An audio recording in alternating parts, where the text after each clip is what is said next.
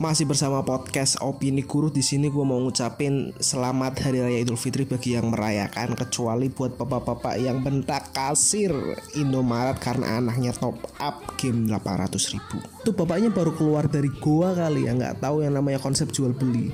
Konsep jual beli kan berarti kita hanya menerima uang dan memberikan balas barang dan jasa terhadap uang tersebut tanpa kita harus tahu asal dari uang tersebut dari mana. Pak, masa lu setiap kalau mau beli gitu harus ditanyain asal uang lu dari mana?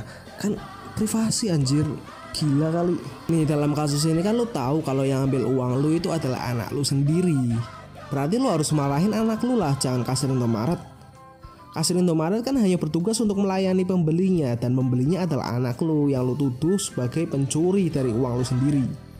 Gila lu bukan orang tua yang baik sih.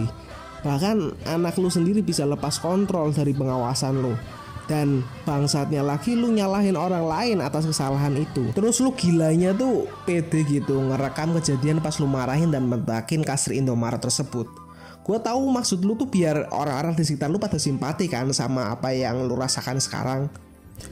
Nih gue sebagai orang yang punya otak dan punya logika gak bakalan belain lu dan gak ada rasa simpati sedikit pun sama lu.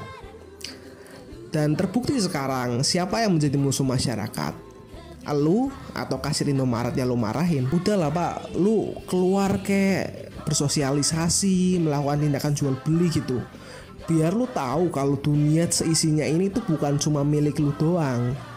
Banyak orang lain yang bergantung pada dunia ini. Jangan egois.